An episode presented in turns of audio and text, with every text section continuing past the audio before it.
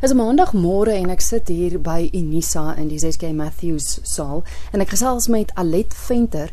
Sy is koördineerder van die Unisa Musiekstigting en dan nou ook die een wat sorg dat alles tydens die kompetisie waaroor ons nou gaan gesels glad verloop. Alet, kom ons praat gou oor die kompetisie. Hulle het soveel kompetisies. Die een se naam en ons is nou midde in die kompetisie. So wat het sover gebeur? Dis die 6ste Unisa internasionale sangkompetisie. Ehm um, die vorige een was laas in 2006. So ons is baie bly om nou weer vir die sangers 'n geleentheid te bied. Uh ehm um, ons is nou al in die derde ronde besig. Die uh daar was al reeds twee rondes. Al die deelnemers het in e al twee eerste rondes deelgeneem. So ons is nou by die semifinale. Daar was nou al reeds eliminasie en ehm um, daar's nou 6 in elke kategorie wat uh wat deur ehm um, gaan wat nou besig is met die derde ronde. Ek weet ek het aan die begin gesê 'n klomp kompetisies en ek meen die klavierkompetisie is 'n ja. baie gewilde een. Ja. Hoekom so min die sangkompetisie? Ek meen 2006 is lank terug. Kom dit maar neer op die die kunste se ewige stryd geld of wat is die rede? D dit is definitief 'n rede dit want um, om so 'n kompetisie aan te bied is 'n paar miljoen. Dit is nie net 'n uh, 'n uh, paar honderd duisend nie. Ehm um, maar dan ook klavier is baie gewild.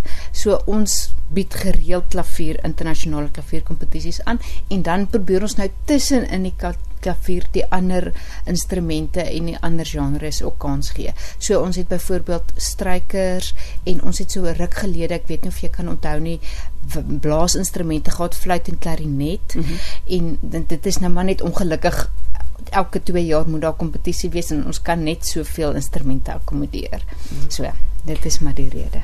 Daar is weer twee kategorieë in die sangkompetisie. Dit is reg. En soos ehm um, 2 jaar gelede met die klavier is daar nou weer 'n jazz kategorie en 'n klassieke kategorie. Dit werk perfek want 'n uh, eh, jazz is ehm um, vokale jazz is 'n uh, hoë standaard oral in Suid-Afrika en oor die wêreld. Ons het fantastiese ehm um, jazz deelnemers. Ehm um, en dan natuurlik die klassieke, die tradisionele klassieke kategorie ook. Ehm um, dit is dit so dit werk goed saam die twee mm. genres al is dit in een kompetisie. Nou soos ek en jy nou gesels in die tyd wat die onderhoud uitgaan, is die jazz kategorie, hulle is op die verhoog. Hulle ja. is besig om te sing, maar verduidelik ja. gou vinnig wat behels die semifinaal vir die jazz kategorie? Wat moet hulle doen? Weet jy, dit is baie eintlik soos die eerste en die tweede ronde. Hulle moet optrede gee saam met klavier. So hulle het staan op die verhoog. Ehm um, die moeilike deel is nou vir elke ronde moet hulle nuwe stukke sing. So hulle kan nie dieselfde repertoire net elke keer verfyn verfyn. Hulle moet elke keer nuwe goed wys. Hulle moet innoverend wees want die jury wil nie elke keer dieselfde ding hoor nie. Hulle wil hulle wil sien wie wie kan die beste improviseer, wie kan nuwe goeters uitdoen. Dink dit so aan. En dit is vir hulle moeilik want dit is net hulle in die klavier. Dit is nie um, hulle het nie die uh, hele um, uh jy weet 'n drumstel en alles wat hulle gaan hê soos in die finale ronde dan sit nou 'n bietjie 'n uh, meer 'n tradisionele jazz opset maar dit is net stem en klavier. Um, so dit dit dit, dit is moeilik om te bly innoverend wees. Want hoe 'n belangrike rol speel improvisasie by die jazz kategorie? Dis alles. Dis alles. Hmm. Hulle moet stilisties korrek wees. Ehm um, die luisteraar sal moontlik weet dat daar in jazz ook maar sekere reëls is wat jy moet volg. So dit moet stilisties korrek wees en dan die improvisasie is geweldig belangrik. Hulle moet suiwer, jy weet, uh soos die Engelse sê in tune kan sing. Al daai goed moet reg wees. Selfs soos met die klassiek, jy moet dit moet korrek wees, tegnies moet dit reg wees, maar dan die jazz het dan in die improvisasie wat bykom wat baie belangrik is terwyl die klassiek het nou weer tegnies regtig moeilik ook. En die natuurlik by die opera is dit die drama deel die opvoering die inlewing van die arias weet kan hulle die gehoor intrek in hulle hmm. in hulle in die drama van die aria en so aan. Die semifinaal vir die klassieke deel is dit ook net klavier en stem? Dis korrek ja. ja. Kom ons kyk gou na die finaal wat gebeur dan? Dis dan nou 3 wat deur gaan verstaan dit krijg. Is, dit is korrek 3 um, jazz finaliste en 3 klassiek. Vrydag aand die 2de Februarie om 7 uur is dit die jazz finaliste en um, die drie kry elkeen 'n geleentheid om saam met 'n soos uh, ek weet nie mooi 'n ritmeseksie mhm. klavier bas kontrabas en en en dromme um, op te tree in die saal. Dit is natuurlik heerlik um, vir hulle ook want dit is 'n groot saal. Dit is 'n uh, uh, goeie akoestiek goeie ehm um, goeie musikante. Ons het regtig, ons kry die heel beste musikante in die land om saam met hulle te kom optree. En dan Saterdag aand is dit nou die finale ronde vir die klassieke ehm um, uh deelnemers. Hulle gaan saam met 'n orkes optree die Johannesburgse Feesorkes um, onder leiding van 'n uh, Italiaanse dirigent Vito Clementi.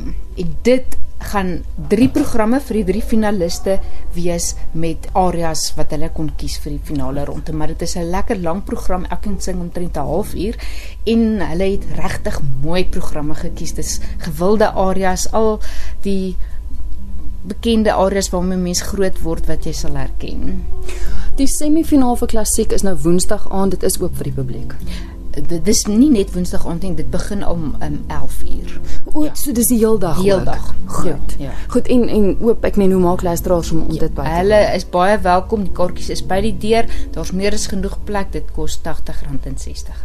En is dit nou die finaal wat in die aand is? Dis die finaal wat in die aand is, ja. En die finaal se uh, kaartjies is by Competicket en ek raai maar die luisteraars aan om dit so gou as moontlik te koop want dit is gewild dit gaan uit. Dit is 'n internasionale kompetisie. So uit die aard van die saak beteken dit iets as jy dit wen. Wat is op die spel? Elke wenner van elke kategorie kry 'n volle 200 000 rand.